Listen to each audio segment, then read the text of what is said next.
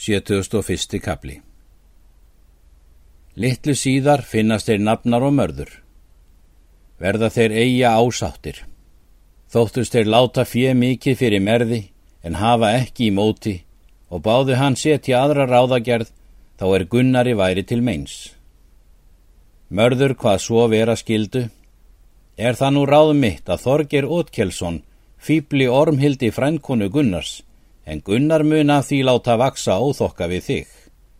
Skal ég þá ljósta upp þeim kvitt að Gunnar muni eigi hafa svo búið við þig. Skulu þið þá nokkuru síðar hafa aðför við Gunnar, en þó skulu þið Gunnar eigi heim sækja, því að það má sér engi ætla meðan hundurinn lifir. Sömdu þeir nú þessa ráðagerð með sér að sjá skildi fram koma.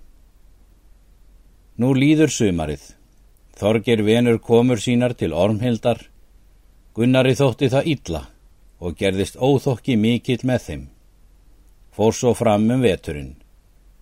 Nú kemur sumar og verða þá enn oftlega fundir þeir á laun.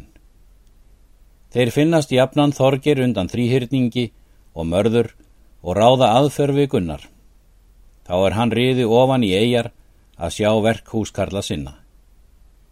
Eitt sinn varð mörður var við er Gunnar reið ofan í eigjar og sendi mann undir þrýhyrninga segja Þorgeri að þá myndi vænast til að leita að fara að Gunnari.